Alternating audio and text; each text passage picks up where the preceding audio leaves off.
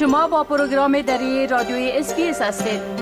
گزارشات عالی را در sbs.com.au/dari پیدا کنید. شنونده عزیز حال همکارم سام انوری. درباره موضوعات مهمی که ای هفته در وبسایت ما نشر شده معلومات میته در صفحه اینترنتی SBS به آدرس sbs.com.au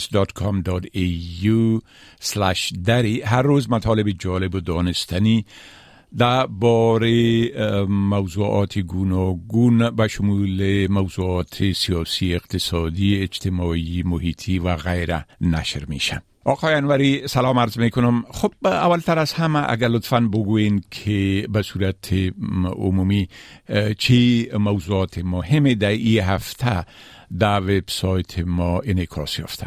با سلام به شما و شنوندگان عزیز. خب این هفته را با روز انزک آغاز کردیم. امسال که قیودات کرونایی را نداشتیم روز انزک خیلی با تر از چند سال اخیر برگزار شد. در این روز استرالیایی ها از جانفشانی ها و خدمات سربازانی قدردانی می کنند که از نبرد گالیپولی در جنگ جهانی اول تا به حال در صفوف ارتش استرالیا خدمت کردند امسال هم طبق معمول ده ها هزار استرالیایی در مراسم سهرگاهی روز انزک در سراسر کشور شرکت کردند و بعدش هم در رژه های خیابانی روز انزک سهم گرفتند.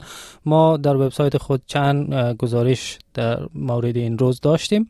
همچنین این هفته گزارش رادیویی در مورد سفر رئیس کمیساریای عالی سازمان ملل در امور پناهندگان یا همان UNHCR به استرالیا و همچنین تقاضایش از استرالیا برای افزایش پذیرش پناهندگان داشتیم که در وبسایت ما هم به نشر رسیده. این هفته گزارش های متعددی در حوزه مهاجرت داشتیم. یکی از اونها داستان یک نوازنده سابق جشنواره ستاره افغان بود که مجبور شده بود برای تأمین مخارج زندگی خود در دنیای غربت از موسیقی دست بکشه اما یک روز هدیه از یک ناشناس برایش می‌رسه و بعد با کسی که هدیه را آورده دوست میشه و این دوستی زندگیش را تغییر میده دگرگون می‌کنه. گزارش دیگری درباره برگزاری یک نمایشگاه هنری خلاقانه در سیدنی داشتیم که در او داستان زندگی و رنج ده پناهجو بازگو شده.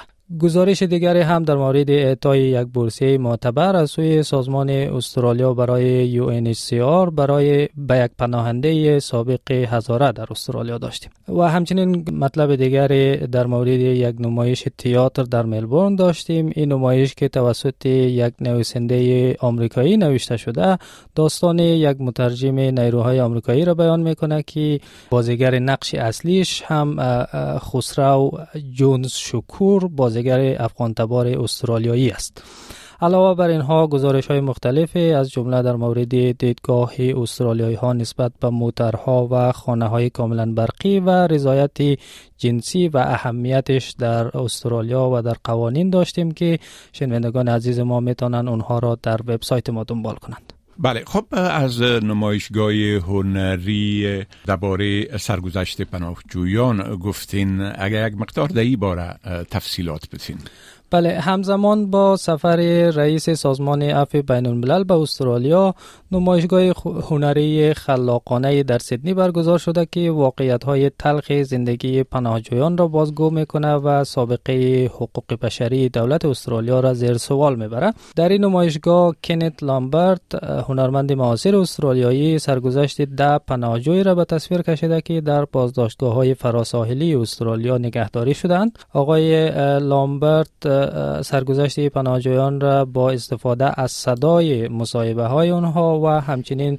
تصاویر بسری انتظایی به شکل نقطه های سفید روی پس زمینه سیاه ترسیم کرده. این نمایشگاه زیر نام سکون یا استاسیس به حمایت سازمان عفو بین الملل برگزار شده و تا دوازده می در ورج گالری سیدنی برای بازدید کنندگان باز خواهد بود.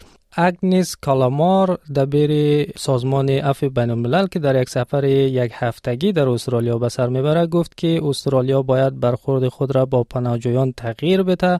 او همچنین برخورد استرالیا با پناهجویان بازداشتی را مصداق شکنجه ظالمانه غیر انسانی و تحقیرآمیز توصیف کرد و از اینکه کشورهای دیگه از استرالیا الگو بگیرند ابراز نگرانی کرد.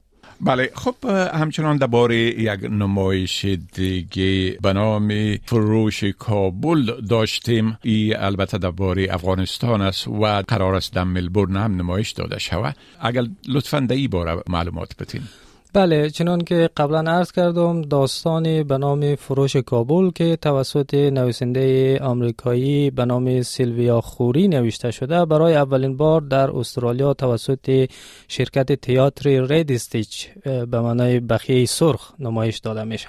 نقش شخصیت اصلی داستان را که تارون نام داره خسرو جونز شکور یک بازیگر افغان تبار استرالیایی بازی می‌کنه. در این داستان که در سال 2013 بعد از آغاز خروج نیروهای آمریکایی از افغانستان در کابل اتفاق میفته تارون که زندگیش به دلیل ترجمانی برای آمریکایی ها در خطر است مجبور است که در شب تولد فرزند خود در خانه خواهر خود پنهان بمانه و از قضا شوهر خواهرش هم برای طالبان کار می‌کنه آقای جونز میگه که بازی کردن نقش تارون باعث شده که پیوندش به کشور مادریش مستحکمتر شوه و از اینکه می‌بینه که خارجی ها افرادی چون تارون را در دهان اجده ها تنها رها کرده دلش میشکند. با ما با آقای جونز شکر مصاحبه داشتیم که در, در او مصاحبه ضمن بیان داستان زندگی شخصی خود و خانوادگی خود. میگه که در طول هشت سال در طول هشت سالی که در استرالیا بازیگری کرده افغان های زیادی ندیده که به تماشای تئاتر آمده باشند و هموطنان خود را تشویق می‌کنه که از این تجربه دگرگون کننده محروم نمانند. او همچنین میگه که شرکت های تئاتر باید برای معرفی هنر تئاتر به جوامع چند فرهنگی استرالیا بیشتر تلاش کنند. بله خب بسیار تشکر آقای انوری از این معلوماتتان و فعلا شما را به خدا می سپارم روزتان خوش. تشکر از شما وقت خوش. بپسندید شریک سازید و نظر دهید. اسپیس دری را در فیسبوک تعقیب کنید.